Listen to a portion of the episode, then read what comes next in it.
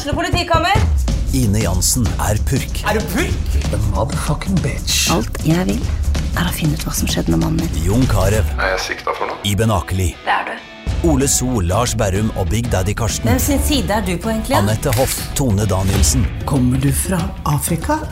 Jørnis Josef, Nesten. Kløfta. Trond Espen Seim, Det er synd å si det, men det var feil mann som døde. Purk. Premiere tirsdag på TV2 Play.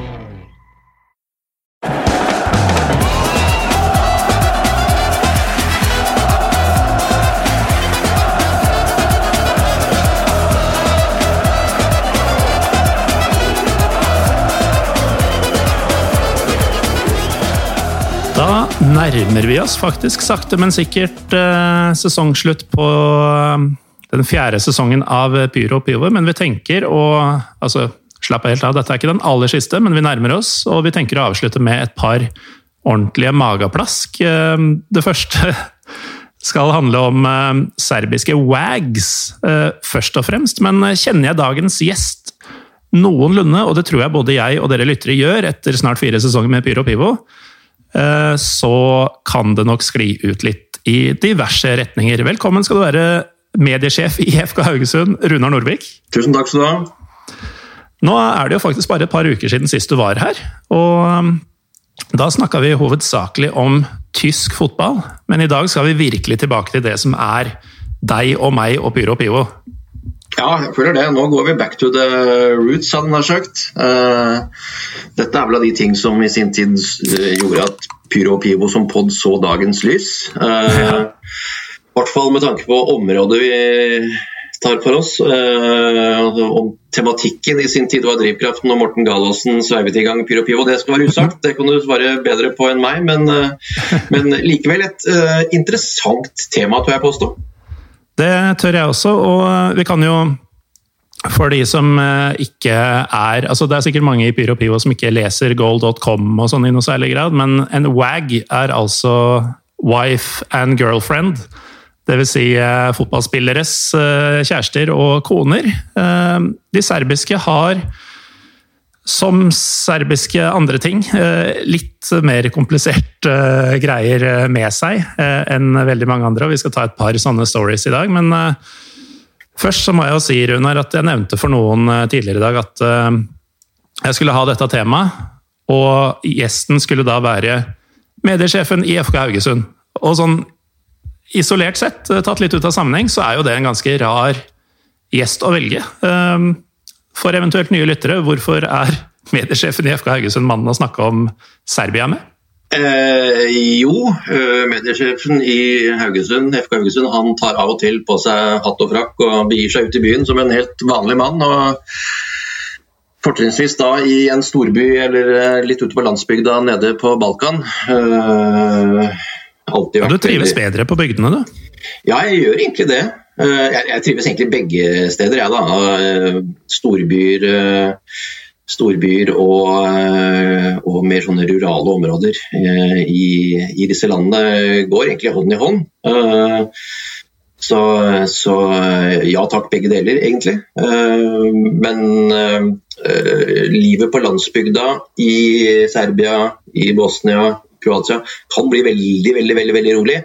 Så det, du, må ha, du må på en måte forholde deg til litt mindre porsjoner da, enn hvis du reiser til en, en uh, storby som uh, f.eks. Beograd, som er jo er en hva det man kaller det for en metropol, eller regionens eneste metropol. Ja, det er i hvert fall en ordentlig betongklump av en eh, by. Eh, passer folket som bor der ganske godt, eh, kan man si. Men, Men, men, men en fin by, skal sies. Eh, På sin Beograd- måte, mm. Be- har veldig mye fint ved seg, og, og, og så er det en eh, pågår det en modernisering der som er ganske kontroversiell, men som sånn rent estetisk eh, skal sies er veldig, er veldig fin. Eh, Så er det mye historie, og så er det en fin kombinasjon av veldig mange ulike epoker mikset inn i, inn i, i en og samme by. Det er vel kanskje det som gjør Beograd til, eh, til eh, en av Europas mest interessante byer, i mine øyne. Ja, så Beograd er jo en av eh, Pyro og Pivos favorittbyer. Vi har jo hatt episoder både på Røde Stjerne og Partisan, altså de har hatt hver sin. Trym Ogner og jeg har vært der et par ganger.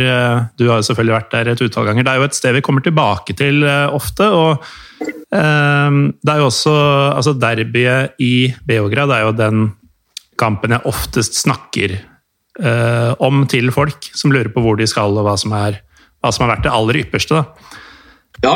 Um, Uh, hvis man er glad i, i intense oppgjør og i hvert fall uh, type uh, Darbys som kommer liksom med litt sånn der konfliktdimensjon, så er, er, det naturlig å se til Beograd og oppgjøret Partisan Røde Stjerne. Det er et Derby på, på godt og vondt. og så er det litt også det å si om det Derby og, og denne veldig ensidige fokusering i Serbia på to klubber. Eh, det meste i serbisk fotball kretser rundt disse to klubbene. Og, mm. og, resten av serbisk fotball går litt sånn for lut og kaldt vann når det gjelder interesse. Så, så, det er ikke utelukkende positivt at de har um, uh, dette ene veldig store prestisjetunge Derby. Nå møtes jo disse lagene såpass ofte også grunnet et likat seriesystem. Uh, veldig greit for de to aktuelle klubbene, men i mine øyne egentlig ganske ødeleggende for serbisk fotball mm. i det store hele. Som sånne two horse race og three horse race ofte blir, eh, ja. uh, uavhengig av land. Men uh, Runar, jeg vet ikke med deg, eller jeg tror jeg vet med deg også, men uh, jeg begynner å bli ordentlig ordentlig rastløs av denne koronagreia og de stengte grensene og kansellerte flyvningene. Definitivt. Og etter at vi slo av mikrofonene da du og Runar Skrauseth var med og snakka om 1860 München for et par uker siden, så trigga du noe enda mer heavy i meg, for da begynte du å prate litt løst om dine reiseplaner når ting åpner seg litt ordentlig opp igjen. da. Og inviterte like gjerne meg med på det. Hva var det for noe? Jo, jeg har jo som deg gått og trippet etter å komme meg av gårde veldig veldig lenge. Jeg, vanligvis så reiser jeg til kanskje i all hovedsak Bosnia-Hercegovina, men uh, i hvert fall én, kanskje to ganger i året til både Serbia og Kroatia. Uh, og nå har det, har det, jo gått snart et halvt år uh, uten at jeg har fått vært, på noen av disse, stedene. Så nå, nå, har jeg enormt store abstinenser, merker jeg. Og er egentlig veldig klar for å bare suse av gårde så snart sjansen byr seg. Og da og da eh, ta en litt mer sånn omfattende rundtur eh, i Bosnia-Hercegovina og få smake litt på egentlig alt. Både sånn fotballmessig, både de store kampene, de litt mindre landsby, litt sånn lavere divisjonsfotballen ute på landsbygda. Og også selvfølgelig da krydre det med veldig mye annet. Historie, mat, gourmet. Det er utrolig mye ved Balkan som uh, i seg selv er nok til å lokke folk nedover, utover akkurat det å bare skulle komme seg fotballkamper. Helt klart, og vi har jo tidligere snakka veldig mye om uh, Rakia spesielt i, i Pyro og Pivo. Eh, maten på Balkan er jo stort sett også fortreffelig, og mye har i det hele tatt vært sagt om, om spillere, trenere, eiere, politikere, supportere. Men i dag skal det altså, til en viss grad i hvert fall, handle om damene, og da ikke damene man ser på gata som turist, men eh, damene til flere av disse fotballspillerne.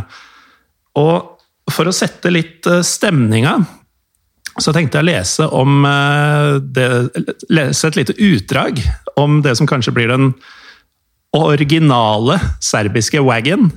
Som riktignok ikke var kona til en spiller, men til en Ja, han het Arkan. Hva skal vi kalle han for noe, Runar? Ja, vi må bare kalle han med hans eh, eneste rettmessige navn. Han var en eh, krigsforbryter av eh, dimensjoner. En lite aktverdig mann, med, mm. med, men med en relativt høy status blant mange serbere, skal sies. Det er korrekt, og han eh, var jo veldig relevant uh, i, i Røde Stjerne, Cervena Vesta-sammenheng, og ble jo enda mer relevant i Obelic-sammenheng, som var en klubb han Eh, med diverse midler eh, nesten tok til eh, Champions League i sin tid. Han ble jo tatt livet av, men kona hans lever videre, som vi skal få høre. Et par kjappe ord om Tsetsa, som er kona hans? Hun var jo den mest populære sangeren. Hun opererer jo et sånt turbofolk-segment som, som Som er det eneste serbere hører på? Ja, og det er jo en musikksjanger som uh, er du snill, så sier du at det er for de spesielt interesserte. Er du oppriktig, så er det jo en sjanger som er helt for jævlig. Men som er veldig populær, ikke bare, ikke bare i eh, Serbia, men egentlig over hele Balkan. Og det paradoksale her er jo at, og dette kan vi jo komme litt mer tilbake til, at eh, Zetsa, som da er såpass sterkt knyttet til uh, den største og mest den notoriske krigsforbryteren i nyere tid på Balkan, hun er parallelt veldig populær i Bosnia og i Kroatia.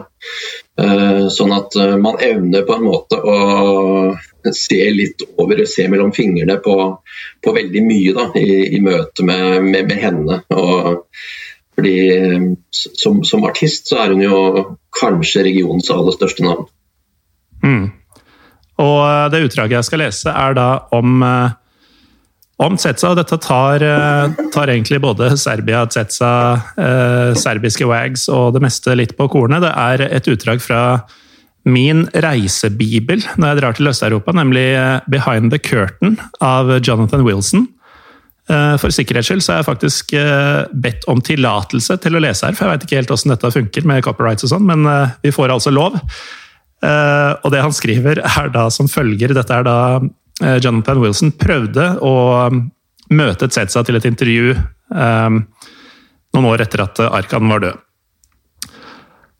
Arkan's legacy lives on in the cosmetically enhanced figure of Setsa. I went to Belgrade in the summer of 2003, having made preliminary arrangements to interview her. Unfortunately, she was unavailable, having been arrested in connection with the assassination of the Serbian Prime Minister Zoran Djindjic a few weeks earlier. As excuses for skipping interviews go, being in solitary confinement is pretty much beyond reproach. det er Er det Serbia i et nøtteskall, eller? Ja, det er jo litt Serbia i et nøtteskall. Jeg føler vel at det avsnittet der fanger uh, det, det sier mye om egentlig ganske det, sier mangt om ganske mye. Uh, ikke bare om Zetsa, men uh, vel så mye om, om, Serbia og litt om mentalitet og litt om uh, hva som på en måte er innenfor normalen. Da. Altså, Uh, nå skal jeg ikke påstå det at, blir, å være involvert i drap på statsminister er en del av normalen, men altså det er en Det, er ikke langt unna heller? Nei, men det er altså det, uh, Hvis man har reist litt i Serbia eller reist litt andre steder på Balkan, så, så blir man ikke så veldig overrasket på en måte å, å se at dette her går litt i arv fra ektemannen, og at kona da siden lenge etter at han har blitt skutt og drept i en hotellobby i Beograd, er involvert i i uh, veldig mye av det som Arkan drev med i årene etter krigen, spesielt uh, i Beograd. Så, så um, et, et, relativt få linjer som jeg syns fanger, fanger, essensen i veldig mye av det som er kanskje negativt med, med, med Balkan og, og, og Serbia og, og, andre land i regionen. Men vi har da um, et par um, konkrete eksempler på hva Eh, serbiske Wags har drevet med eh, nå egentlig i eh, bare i løpet av de siste ukene, månedene. Og det har vært et par greier. altså Veldig nylig. Kan begynne litt, litt mykt, men det er ei dame som heter Sofia. Som nå er sammen med Luka Jovic. Og det begynner allerede litt med det at hun er sammen med Luka Jovic. fordi så vidt jeg har forstått det, så forlot hun Adem Ljajic for å bli sammen med Luka Jovic. Uh, og nå er jo ikke de to gutta jevnaldrende heller, uh, egentlig, selv om det ikke er sånn Det er ikke 40 og 20, men, uh, men likevel. Men hva, hva, er det hun har drevet med nå? Eller hva er det han har drevet med, som hun har eksponert? Ja, altså han er vel ikke sånn pålest på absolutt alle detaljer, men eh, i hovedsak så har jo han brutt Dette var jo tilbake i, i, mars, og når Serbia stengte ned og innførte et veldig veldig strengt eh, eh, smittevernregimet. Eh, Blant annet så ga de jo utgangsforbud eh, for absolutt alle. Eh, I eh, gjerne, gjerne tre, fire, fem dager i strekk. Og hvis du blir sett på på åpen gate da, så ble du umiddelbart taua inn og i mange tilfeller dømt til veldig veldig strenge fengselsstraffer. Uh, og Helt i starten av denne nedstengningen i, i, i, Serbia så hadde vel Luka Jovic funnet ut at han trengte ikke å forholde seg til de samme reglene som, som alle andre. Så han hadde jeg vet ikke om han hadde arrangert et bursdagsparty, men han hadde i hvert fall vært til stede på et veldig høyprofilert bursdagsparty for sin Sofia. Da. Og, og, og, så skal det også si at Luka han har vel kanskje utfordra en del folks eh, oppfatninger av hva som er rett og galt tidligere også, så han hadde ikke så mye goodwill i utgangspunktet. Men han ble jo da Eh, tauet inn av politiet og risikerte, uh, ifølge serbiske medier, så risikerer han faktisk tolv år i fengsel for brudd på karantenebestemmelsene. mens uh, når denne nyheten siden ble videreformidla i, i Vest-Europa og den slags, så hadde strafferammen blitt redusert til tre år. Så uh, akkurat hvilken av de som faktisk er riktig, det vet jeg ikke. Men, men han risikerte i hvert fall en veldig, veldig streng straff for for denne forseelsen med å bryte koronareglene. Og så vet jo alle at en merittert fotballstjerne, han eh, Han, han soner ikke tolv? Nei, han soner ikke tolv år i fengsel. Eh, så det, dette ble vel løst i minnelighet ved at han betalte en relativt stor bot, men samtidig en relativt beskjeden sum for han må være for å, for å ja, slippe, slippe, dette her. Det var jo andre som Eh, andre fotballspillere som brøt eh, reglene også. Aleksandr Prijojevic, som var i Tromsø en gang i tiden, faktisk. Eh, som nå tjente gode penger i sin tid, i, eller nylig i, i, både i Hellas og i, i Saudi-Arabia. Han arrangerte jo en fest i en hotellobby på samme tid. og og ble vel dømt til tre måneders husarrest, tror jeg. Sånn at eh, klubben hjemme i Saudi-Arabia, eller der han nå spiller, de kansellerte kontrakten og sånn. Så, så, han fikk en litt strengere straff, fordi han var en litt gjerne en Luka Jovic. Så, mm. selv om uh, Projevic også er en, en uh, mer enn kurant spiller. Og Grunnen til at det er Sofia holdt på å si, som er relevant her, er jo som du sier, det, er, det var hennes fest. Eh, men det var også hennes Instagram som brakte til verden at eh, dette pågikk. da. Bilde ja. av Luka Jovic med flere tett i tett i et basseng i, eh, i mars under de strengeste tiltakene. Og når man sier i fredstid, så mener man jo siden 40-tallet i Norge, men siden hva skal vi si, tidlig 2000-tall i, i, Serbia. Ja. Dette er jo ikke det verste, dette er bare egentlig to ganske dumme folk. Ja, altså folk som, I Luka Roberts tilfelle så er det nok rett og slett en fyr som har uh, visst å utnytte seg av statusen sin og tenkt at han, uh, han, løper ingen risiko ved å bryte lover som alle andre må forholde seg til, helt mm. åpenlyst. Så han tror jeg egentlig levde veldig fint med at det sirkulerte partybilder av han. Uh, skal også sies om Luka Jovic at uh, det er jo en litt sånn intrikat greie med ekskona, eller eksdama som han har en sønn med, tror jeg det er.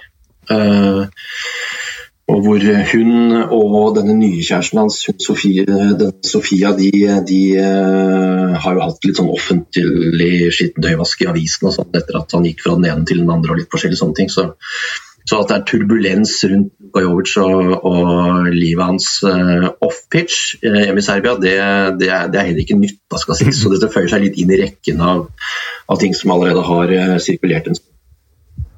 Men dette er jo um, altså Det er jo et grovt lovbrudd, sånn som ting er eller var på den tida, men det er jo det, det er jo ikke det verste vi skal snakke om i dag. I Los Angeles så sitter det et eh, par eh, med Katai til etternavn. Eh, Thea Katai er dama vi skal snakke om. Hvem er typen hennes?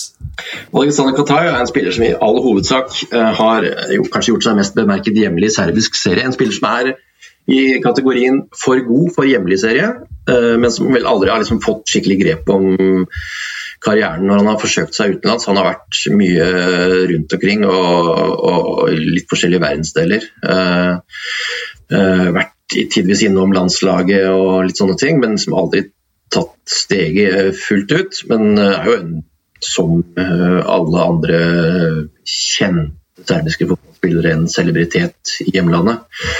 Han øh, hadde jo nå øh, satt kurs for USA og var øh, godt på plass i Los Angeles. Spiller vel for Los Angeles Galaxy, eller spilte, spilte må vi vel kunne si. Uh, så i forbindelse med, med disse demonstrasjonene og, og, og, alt dette som skjedde i etterkant av, av uh, uh, dette politidrapet på, på, Er det George Floyd han het? George Floyd, ja. Så, så Der alle andre på en måte da valgte å knytte neven, han har sagt, og, og stille seg på kne og um, ta parti med George Floyd og hans, hans uh, uh, afroamerikanske landsmenn, eller hva man skal kalle det, uh, så valgte Tiakatai en litt annen tilnærming. hun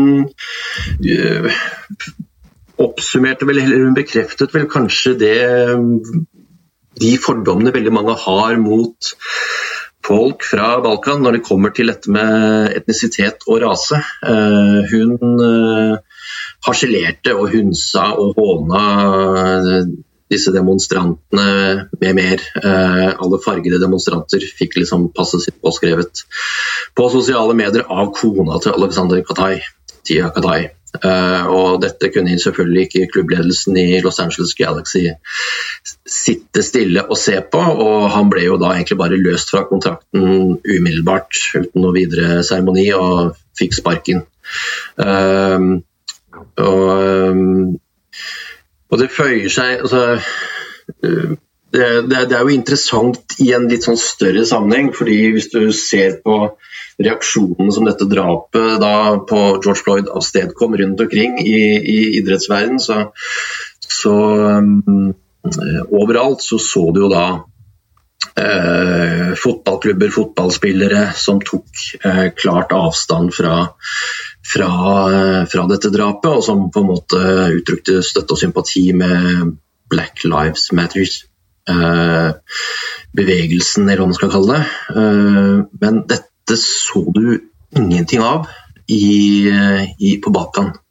Jeg tror ikke jeg har sett én spiller, jeg tror ikke jeg har sett én uh, klubb eller uh, ja, uh, som, på en måte har, som en måte har valgt å legge ut noe som tilsier støtte til den farga befolkningen i USA eller i verden for øvrig. Og det, det er nok ikke tilfeldig. Og det, er, og, det, og det, er liksom litt av bakteppet her for eh, disse posteringene som frøken Katai, eller fru Katai da i sin tid eh, eller nylig gjorde. Eh, det må ses litt i sammenheng med at uh, rasismebegrepet uh, er det, det, det, blir, det, blir, på en måte litt for enkelt å si at rasismen står veldig sterkt i regionen. Eh, for det er utrolig mange nyanser i akkurat det spørsmålet her. Det, det merker du når du snakker med lokale Hvis du snakker med serbere, og sånn, så vil de si at nei, jeg er overhodet ikke rasist. Men eh, grunnen til at jeg står og lager apelyder på tribunen, det har å gjøre med at som fotballsupporter så kan jeg tillate meg alt for å psyke ut motstanderen. Det er min plikt som supporter. Uh, og hvis det er farga spillere, så uh, bruker vi det for det det er verdt. ikke sant? Uh, mens i, i hverdagen så, så, er ikke dette nødvendigvis folk som går rundt og har, har rasistiske tendenser eller sympatier. Men, det er, men, det er, men det, er, det er, et veldig vanskelig og komplekst spørsmål. Men, men, det, er, ikke tilfeldig at, at Black Lives Matter, Matters Eh, bevegelsen som aldri, aldri nådde, eh, nådde Balkan. Nei, men altså, hvis uh, Qatai-greiene er jo litt annerledes siden de tross alt bor i Los Angeles og, og er en del av et Nå er det selvfølgelig ganske multikulturelt også på Balkan, men ikke, ikke med de tilsvarende kulturene. Altså, Kan det rett og slett være en del av forklaringa i at dette ikke har nådd Serbia i noe særlig grad? At uh, det rett og slett ikke oppleves som relevant for dem. Det er jo ikke noen stor uh, hva skal vi si, mørkhudet minoritet i Serbia? Nei, det, det, er det ikke. men du har rasisme kanskje overført til andre grupperinger. Da. Altså, du, romfolket er jo mm. f.eks. utgjør en ganske stor del av befolkningen i og rundt Biograd og, og mange andre steder i disse landene. Sånn at eh, eh, rasisme, hverdagsrasisme, den retter seg kanskje i, i større grad mot de enn eh, men, men, men, det er, eh, men, det er, jo et tema altså Det er jo en eh, høyst aktuell problemstilling, eh, dette med, med, nasjonalitet, etnisitet, kulturelt opphav. Dette er jo for mange også utgangspunktet til konfliktene som har herjet egentlig på, i denne regionen gjennom, uh, gjennom uh, flere hundre år, på en måte. Altså, og, og um, så uh, og egentlig i møte med nesten alle minoriteter. Alle minoriteter på Balkan uh, opplever nok dette her i større grad enn tilsvarende uh, minoriteter gjør andre steder i Europa mm. spesielt. Uh, men, men, men å, å, komme med en sånn veldig god, utfyllende forklaring på hvorfor det er sånn, og, og hvor stikk, stikker og sånn, det, det, er det tror jeg det er veldig krevende og veldig vanskelig. Balkan eh, er jo et usedvanlig komplisert sted, så det er veldig få spørsmål som har enkle svar der. Men eh, hvis vi går tilbake til Kataiene, så har vi jo et par, eh, par konkrete ting å forholde oss til. Det, ene er jo at de tross alt bor i Los Angeles, hvor du, du ser fargede i, i, bybildet hver dag. Um, og det Thea Katai skrev, var jo ikke sånn det var ikke noe som kunne tolkes som harselas eller rasistisk. Det var, det var straight up uh, uh, mobbing av demonstrantene og deres sak. Ja, eh, det var, det var, budskapet var ikke, var ikke, til å misforstå i, i hennes tilfelle. Så, Men sånn, så. Nå er jo ikke dette egentlig uh, vår uh, ting å uttale oss om, men sånn rent prinsipielt uh, Hvor hvor ansvarlig er herr Katai for det hun skriver? Altså, Han fikk sparken i klubben fordi det kona skrev? Ja, Godt spørsmål.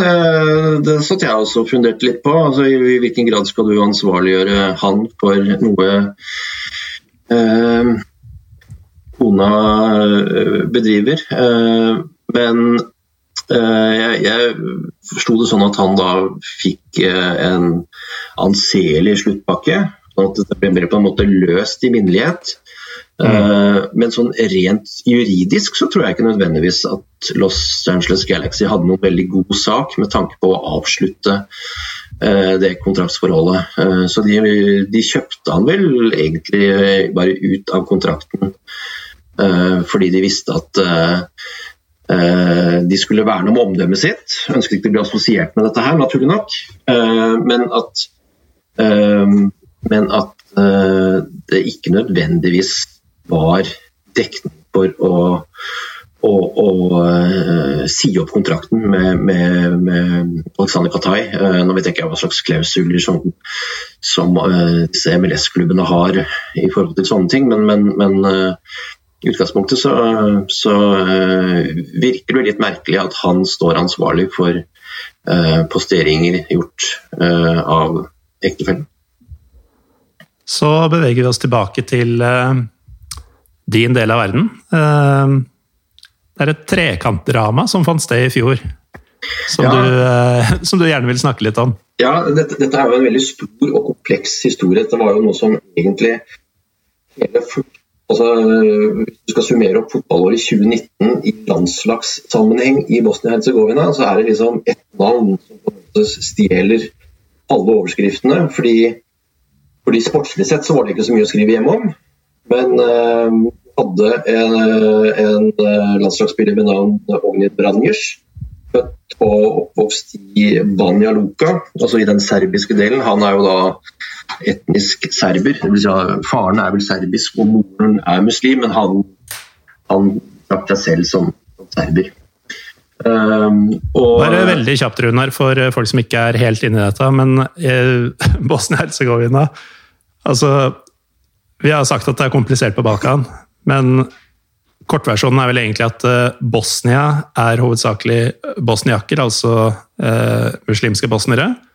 Herzegovina hovedsakelig kroater, og så har du da en serbisk del i tillegg til Bosnia-Hercegovina, men som er en del av Bosnia-Hercegovina, som heter Republika Serbska.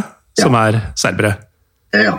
I all hovedsak litt forenkla, men eh, det, ja, det var den enkle versjonen. Så, sånn at uh, hvis, du ser på, hvis du ser på befolkningsgrunnlaget i Bosnia-Hercegovina totalt sett, så er vel litt i overkant av halvparten uh, bosniaker, altså bosniske muslimer. Uh, nå tror jeg vel andel katolikker, altså kroater, er nesten, ja, det tror jeg er nesten nede på 20% og og, og vel 30, 30 av befolkningen i Bosnia-Hercegovina, som da i all hovedsak bor i Republika Serbska, det er da eh, etniske serbere. Eh, og herfra kommer altså Ognjen Vranjes?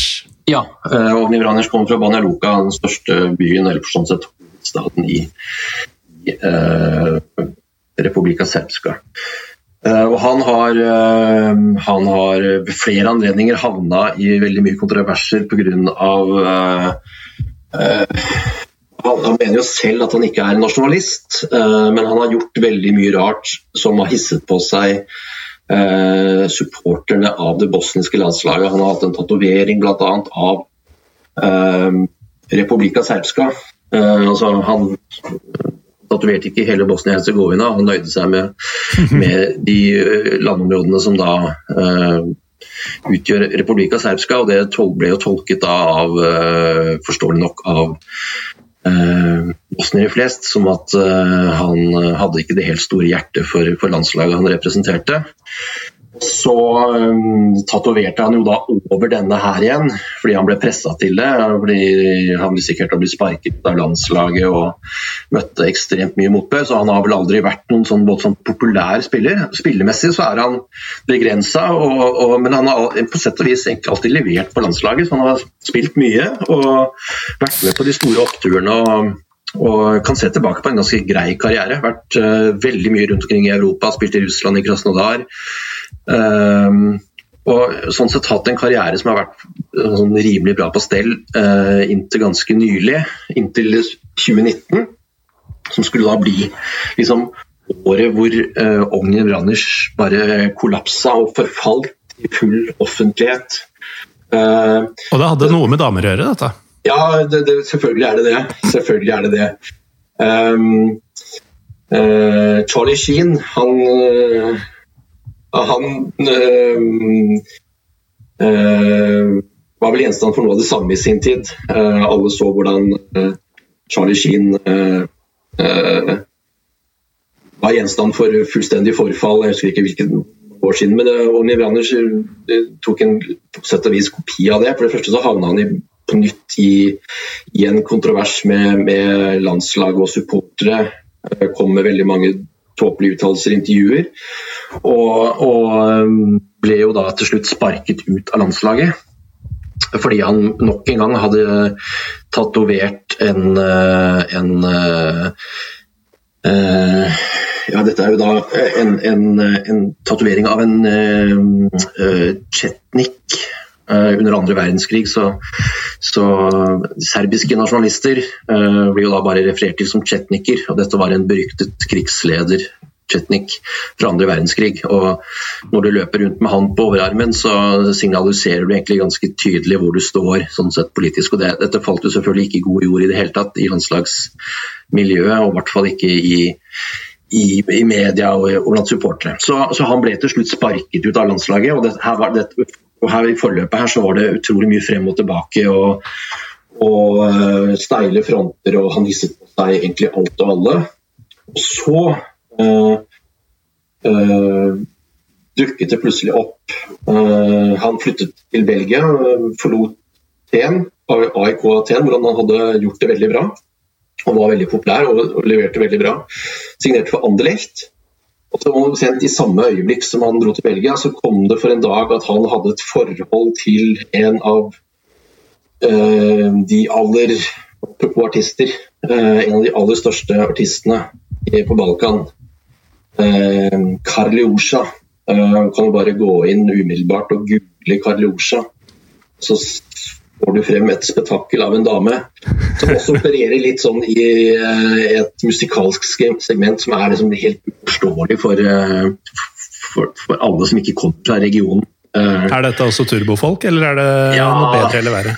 Nei, det er, det er litt i samme sjanger. Uh, uh, og, uh, og, en ekstremt sånn utspjåket og veldig sånn ja, en ekstremt stor bimbo og, og, godt voksen. Det er jo interessant. Olje eh, Branders er jo for så vidt i slutten av 20-årene, men det var en relativt stor aldersforskjell.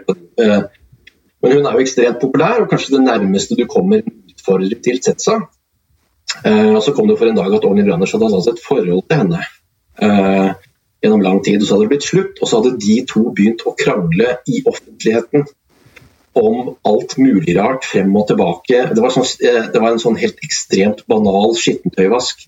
Hun publiserte bilder av han, eller eh, sendte bilder av han som hun hadde fått av han, videre til pressen. Og, eh, og, og så skal det også sies at både eh, Olin Vranic var gift, og Karlosja var gift da med Dusan Tosic, en serbisk landslagsspiller som nå var i Kina som vel har rukket å bli 34-35.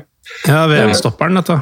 Ja da, eh, fin, fin karriere. Han har gjort, spilt i Verde Bremen og Besliktas og hjemme i Serbia. Og, eh, og, de var jo da gift, eller er gift fortsatt, faktisk. Eh, og så blandet jo han seg da selvfølgelig inn i dette her, og så ble det et trekantdrama som gikk i serbiske medier og i bosniske medier lenge. Og i Bosnia så frydet man seg over dette her, for nå fikk jo en anledning til å ta ta Onjen Ranic skikkelig. Eh, så det var stor humor på hans bekostning.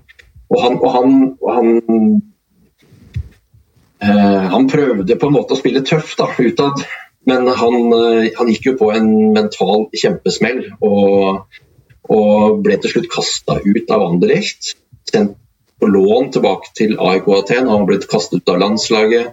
Og, dette, og denne farsen av et trekantforhold eh, i, i serbiske aviser det, det, varte og rakk i flere måneder. Jeg tror nesten hele 2019 gikk med til å, til å, å fortelle eh, om intime betroelser, eller også intime ting fra dette forholdet han hadde hatt med Karlosja. Og ikke minst hunse og håne Santorstad eh, ektemann. Og eh, midt oppi det hele for virkelig å fyre opp under.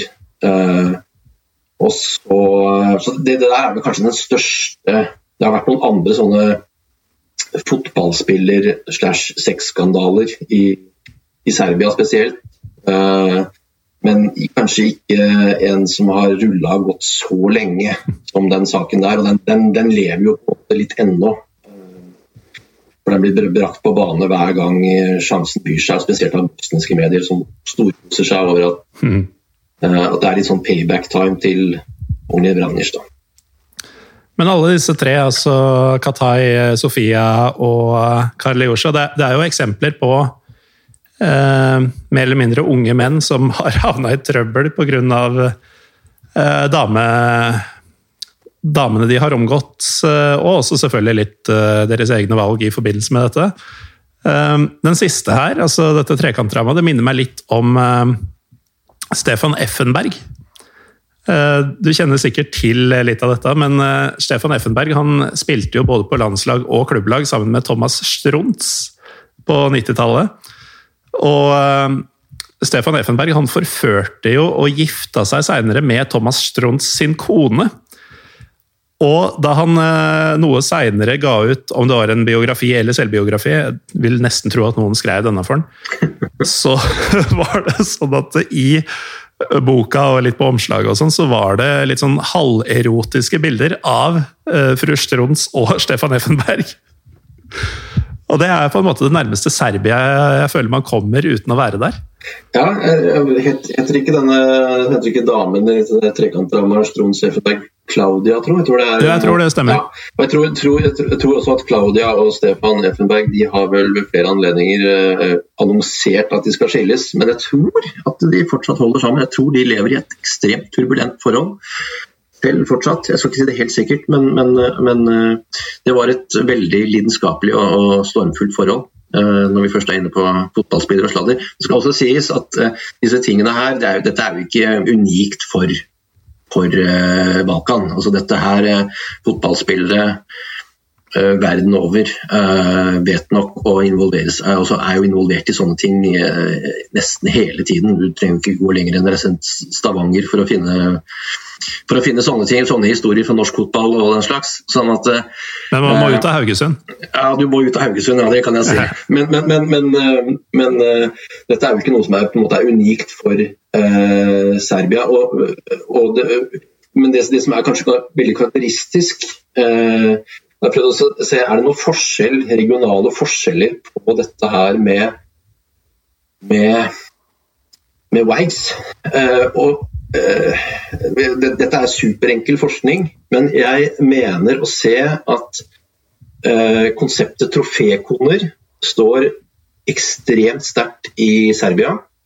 Der handler det om å være altså, jo, jo, bedre du gjør det som fotballspiller, jo høyere i hierarkiet, jo større stjernestatus du har, jo finere blir dama di, eller jo større celebritet er dama di. Så du driver hele tiden og avanserer og bytter ut um, dame, alt avhengig av hvor i hierarkiet og hvilken status du har. Uh, og Så kan du snakke om hvor, uh, hvor, mye ekte kjærlighet er det igjen i bunnen her. Uh, men, men, men du, ser, du, ser, ikke mange etablerte, kjente serbiske fotballspillere som ikke er gift med en modell eller en artist, eller, eh, eller som er gift med barndomskjæresten. Da. Det ser du mm. ikke mye av. Uh, mens i Bosnia, uh, der er ikke dette så uh, utpreget, er mitt inntrykk. Um, Edin Dzeko er gift med en modell, for så vidt. Han motbeviser vel kanskje sånn sett den teorien, men Sergej Barbares giftet seg med barndomskjæresten sin. Uh, Hassan Salihamidzic møtte vel kona si når han var veldig veldig ung, hun er vel amerikansk, tror jeg. Um, og uh, Vedad Abisevic uh, giftet seg Han er gift med en må det være lov til å si, relativt ordinær dame. Men han har liksom aldri vært der. Han er ikke, han er ikke ute på jakt etter trofékoner og sånne mm. ting. Mens det der er ekstremt fremtredende i serbisk fotball, og, og, og, i England og i Tyskland og, og, sånne ting. Så de er litt mer kontinentale sånn sett i Serbia enn, en andre steder, er mitt inntrykk eh, når det kommer til fotballspillere. Kroatene, I Kroatia er det litt på samme måten. Eh, som serberne, eller? Ja, som i Serbia. Ja. Eh, mens, mens, eh, mens eh, Bosnia, som kanskje har færre og ikke fullt så store profiler, de er ikke helt på det samme sporet. Uh, Eh, eh, relativt vanlig selv blant de aller største eh, bosniske spillerne å, å gifte seg med barndomskjæresten du traff når du var 15, liksom. Men hvis vi først driver med superenkel forskning, da, så kan dette ha noe med og, nå må du bare stoppe meg, men jeg opplever det litt som om uh, bosnere på en måte er litt mer fornøyd med å, med å være i fred, mens uh, kroater og serbere kanskje er litt mer ute etter å vise folk i resten av verden at de er ikke helt sånn som du kanskje tror de er. Og sånn.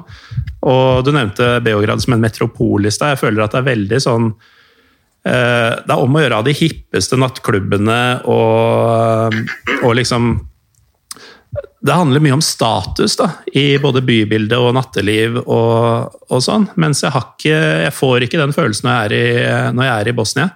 Altså Sarajevo, Stemninga i Sarajevo er enormt forskjellig fra spesielt Beograd, men også Zagreb. Ja, det, det tror jeg, der tror jeg du er inne på noe, noe helt, uh, helt, riktig og helt essensielt. Uh, uh, du har jo dette jeg har jo kalt det serbersyndromet i fotball. Det er jo litt sånn lettvint, men, men, men, men det handler veldig mye om å bruke fotballen for å opparbeide seg en status som du siden skal kunne bidra til at du skinner da, overfor omgivelsene. Uh, og dette dette er, jo liksom noe av det som er med på å ta knekken på egentlig veldig mange lovende fotballkarrierer i Serbia. Uh, ved at spillere som er ekstraordinært gode når de er unge, uh, og så gode og talentfulle at de blir hentet til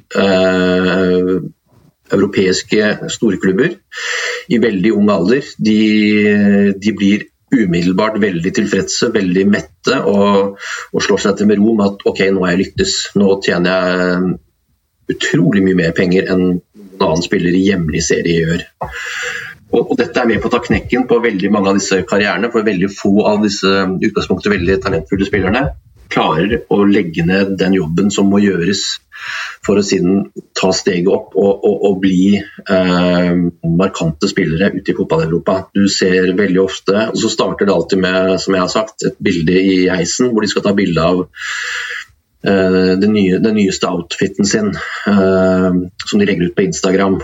Uh, og Det er alltid et veldig veldig illevarslende tegn. Uh, hver gang jeg ser det. Det er liksom første steg på at nå er du opptatt av bling-bling i ørene og, og, og, kule sko og hettegensere og sånn.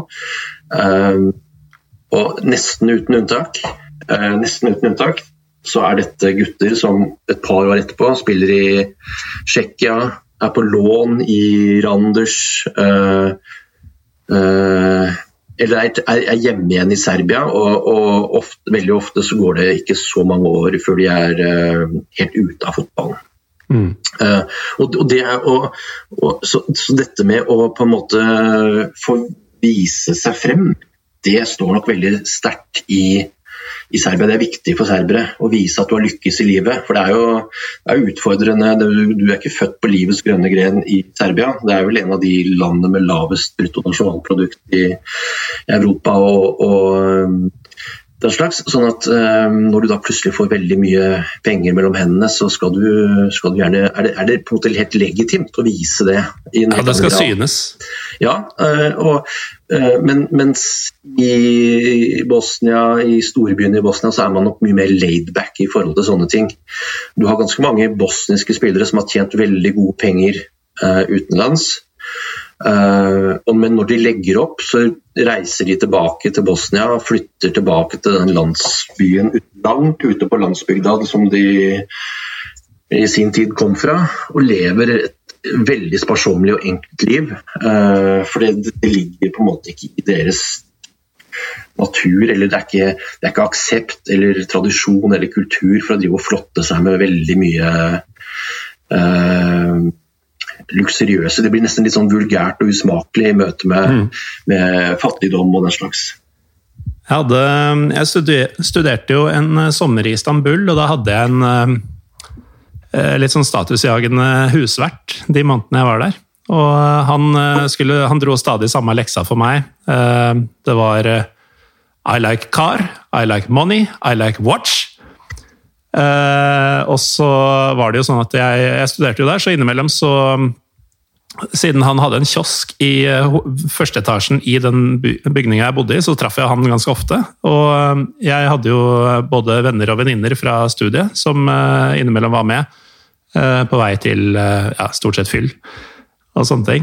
Og da skulle han gjerne ta bilder sammen med disse jentene spesielt. da og da kom alltid den armen opp sånn her. Eh, nå ser jo ikke folk det, men den klokka, eh, the watch, den skulle synes på bildet med damer. Det var, det var, viktig for han. Og de skulle tas med hans eh, kamera eller hans telefon.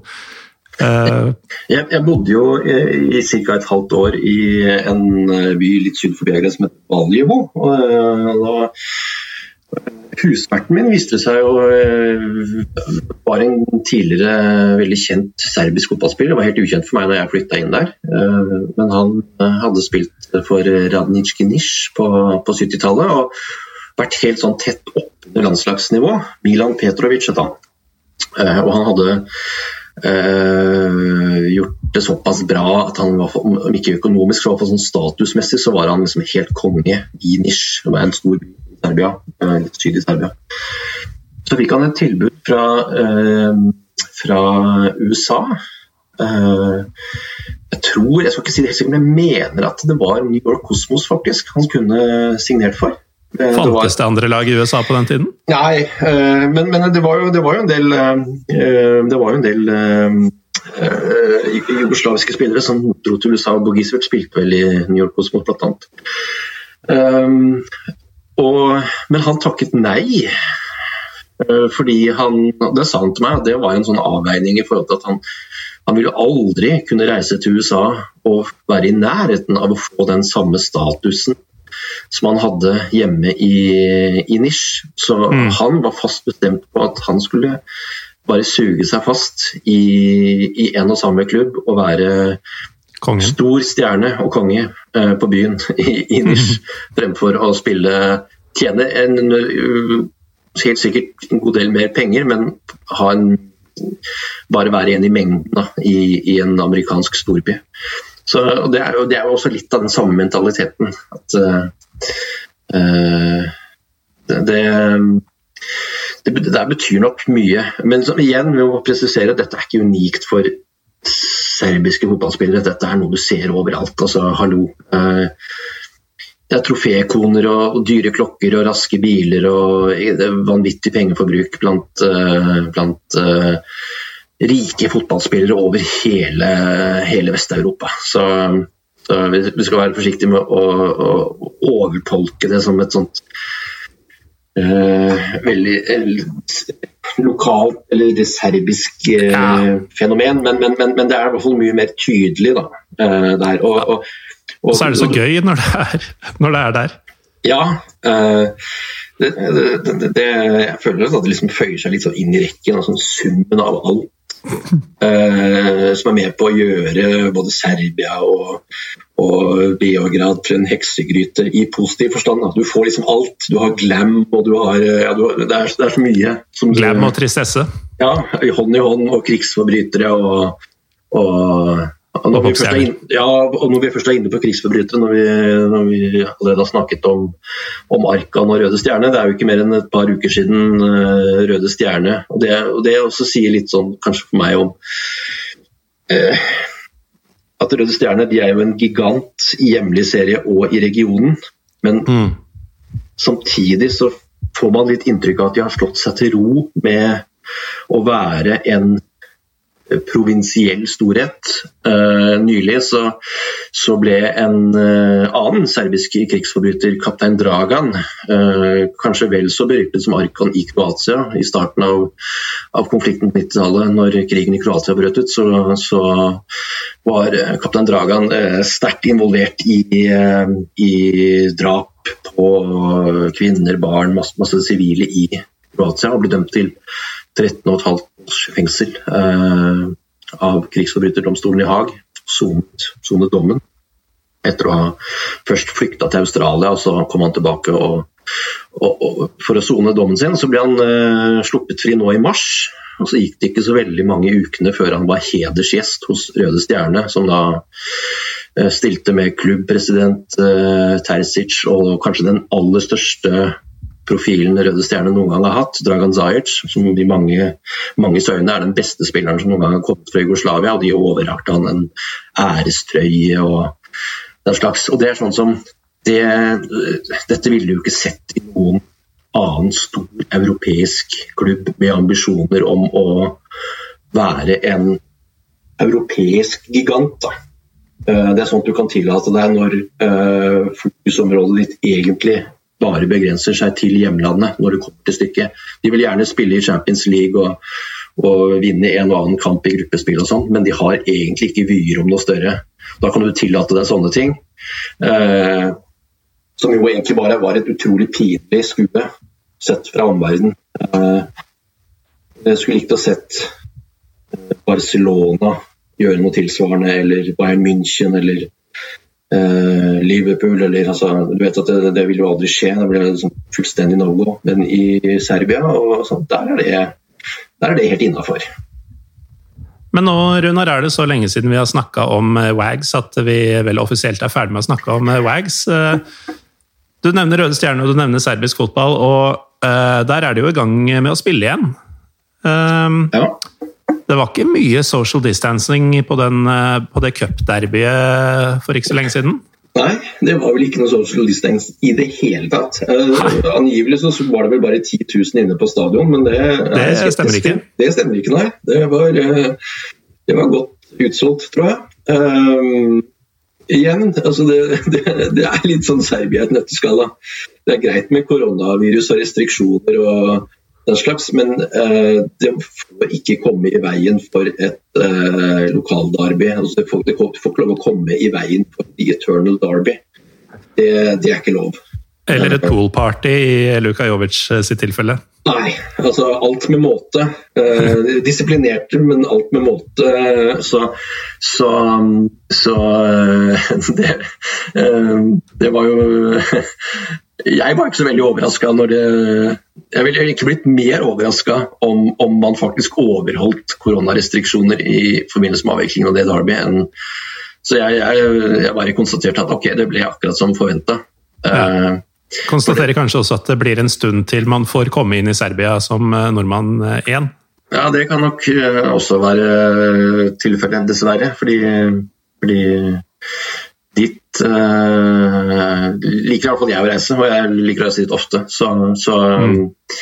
så uh, Nei, vi får bare se. Nå har jo de, de, disse Balkanlandene har jo åpnet stort sett grensene mot nabolandene sine. Uh, og i den grad du skal stole på offisielle tall, så er vel ikke koronasmitten i disse landene utpreget stor heller. Men uh, men uh, det ligger nok et stykke frem i tid ja, før, før uh, Galåsen og Norvik kan entre, entre, entre Og Hogner. Og Hogner kan entre Bosnia for, for Torov Bosnia. Nei, det, det, gleder jeg meg ordentlig til. Men uh, siden vi først nevnte det, uh, selvfølgelig uh, Den er jo forskjellig fra alle tidligere sesonger som gjelder i alle land, men hvordan har sesongen vært i, i Serbia? Omtrent som forventa, eller? Ja, den har vært litt som forventa. Røde Stjerne er fortsatt litt for dominerende til at det egentlig er reell spenning. Eh, Partisan prøver å tette gapet. Eh, I fjor så hadde jo Partisan en forferdelig sesong. Eh, og ble vel nummer fem, tror jeg, i hjemlig serie. Fem eller fire. Hvilket er egentlig helt uakseptabelt. Nå er egentlig alt annet enn gull, eller seriegull uakseptabelt i Partisan. Selv om realitetene tilsier at de, de, de, de, ligger et stykke bak eh, stjerne. Fordi dette hegemoniet har skifta veldig frem og tilbake. Partisan var jo fullstendig dominerende i en 10-12-årsperiode. Og, eh, og, så plutselig snudde det, og så begynte Røde Stjerne å, å, å vinne, vinne seriemesterskap på rekke og rad. Uh, så hadde Partisan en forferdelig sesong i fjor. og uh, Mobiliserte på nytt inn mot denne sesongen. Men, uh, men er fortsatt ikke i stand uh, til å konkurrere sportslig over en hel sesong. Men i denne cupkampen som da Partisan vant 1-0, dette er jo Partisans mulighet da, til, å, til, å, høste edelt metall i år. Så, så i enkeltkamper, når Partisan møter Røde så er det alltid jevnt men over en hel sesong så har de ikke stabilitet nok kvalitet nok til å utfordre Røde Stjerne. Så Røde Stjerne de vinner, de vinner eh, seriespillet uavhengig av hva slags seriemodell man velger. Man har jo hatt sluttspill og litt forskjellige sånne ting. Eh, og så har man kompromissa litt på dette nå i, i uh, koronatider. Men, men uh, Røde Stjerne vinner ligaen nok en gang. Det kan vi, kan vi trygt fastslå. Og, og, jeg føler vel at det gapet der, det, det, skal skje veldig mye rart fremover før, før Partisan er en reell utfordrer til Røde Stjerne, er jeg redd. og Partisan, de, de det er mye som er bra med Partisan, fordi de har en ekstremt stor tilhengerskare i, i eh, Beograd, men, men, eh, det er ikke supportere som er veldig lojale i motgang. Og Hvis du ser på tilskuertallene i fjor, f.eks. 2019-sesongen 2019-2020 Nei, jo, nei, 2018-2019 blir det vel. Det blir det. Ja. Uh, hvor de sleit i motbakke, så var det jo det var kjempeglissent på, på Partisans eh, hjemmekamper. Var, jeg sånn, tror de hadde et tilskuersnitt på 3000. Ja, det er jo parodisk. Eh, når de i normalsesonger med litt vind i seilene alltid fyller stadionet sin. Og, og er nesten på høyde med Røde Stjerne. Ja, Det har vært mitt argument for å, hvis man skal på derbyet, å ta det hos Partisan. For da får du stappfull stadion uh, uansett. Ja. Men uh, altså, De er ikke så lojale, sier du. De er ikke så glad i uh, seg selv heller. det har vært mye interne stridigheter mellom diverse grupper av Grobari, som de kaller seg. Var på, det var jo også i fjor. Det var et derby som vel endte Var det 1-1, tro? ja, jeg husker ikke, Enten så var det 1-1, dette var jo da på Maracana. Um, uh, I april i, i, i fjor. Uh, en svunnen tid, Runar? Ja, det var, det var tider, det. Da, da, var det altså sånn at uh, Partisan de hadde jo bortesvingen, men den var til gjengjeld inndelt i fire ulike grupperinger som da eh, de, de, de, hadde på sett og vis litt sånn felles front mot, uh, mot resten av verden for dagen. Altså de uh, majoriteten som da besto av uh, Røde Stjerne-supportere. Men, men, men, offisielt så, så, foregikk all kontakt, billettsalg og den slags, foregikk liksom i, i separate hva skal man kalle det? Uh, altså organiseringen foregikk helt separat. Da. Det var ikke noe det var ikke noe samkjøring, det var ikke noe samarbeid. Det var veldig viktig å, å holde partisangruppene fra hverandre i, i måten mm. man, man, administrerte alt på. Fordi, fordi av ulike grunner så, så ender partisanfansen de siste årene opp med å havne i konflikt med hverandre. Og dette handler mye om hvem som leder eh, hvem som leder disse grupperingene, fordi grupperingene består eh, ofte av ganske mange eh, mer eller mindre kriminelle elementer. Så det er Grupperingene gjenspeiler på en måte gjenger som har sine territorier og markeder og den slags. Så det, det er nok det er nok øh, konflikter som oppstår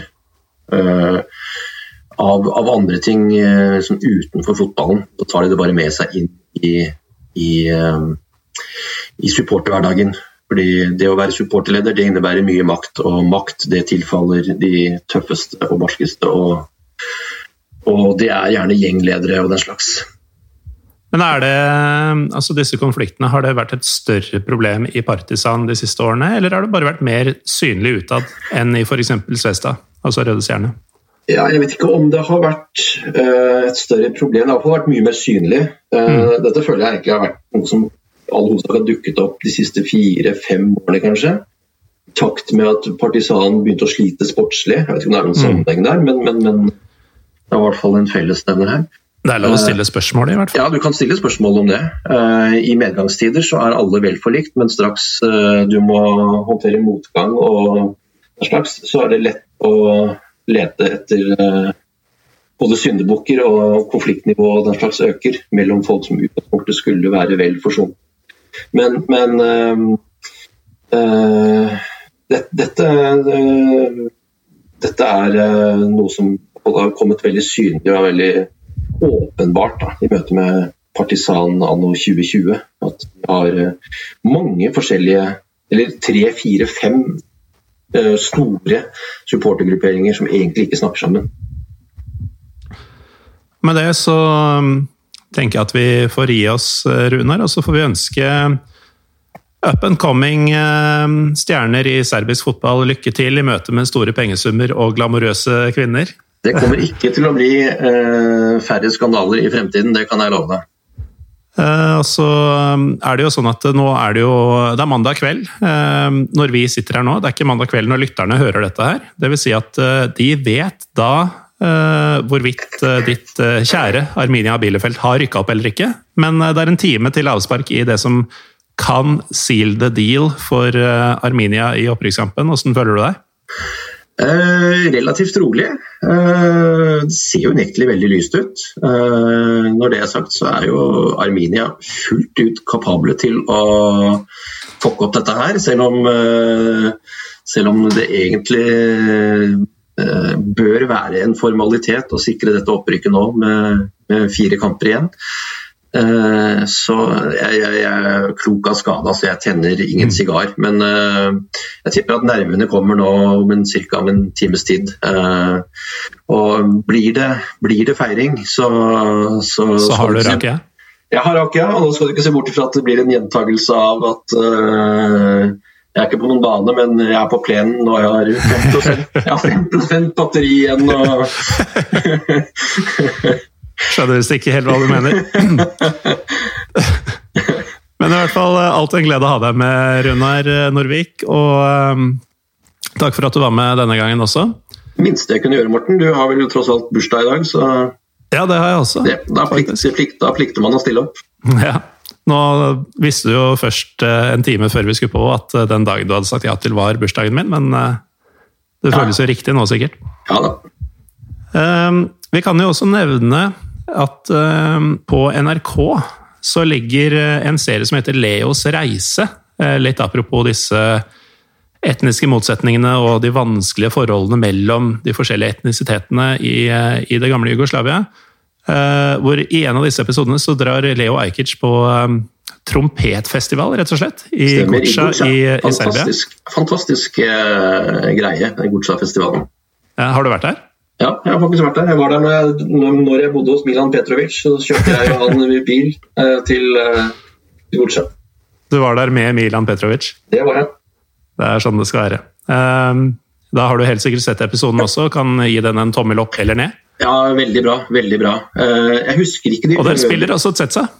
Ja, eh, jeg husker, jeg husker noen av episodene hvor Leo Ajkic er hjemme i Mostar, og at han også er på denne Mm. festivalen. Eh, Jeg husker det som en veldig bra serie, så absolutt anbefaler den. Så der har dere det, folkens. Takk igjen til Runar Norvik. Takk til dere som hører på. Jeg heter Morten Galaasen. Vi er Pyro Pivopod på Twitter og Instagram. Og om ikke så altfor lenge så er vi ferdig med sesong fire.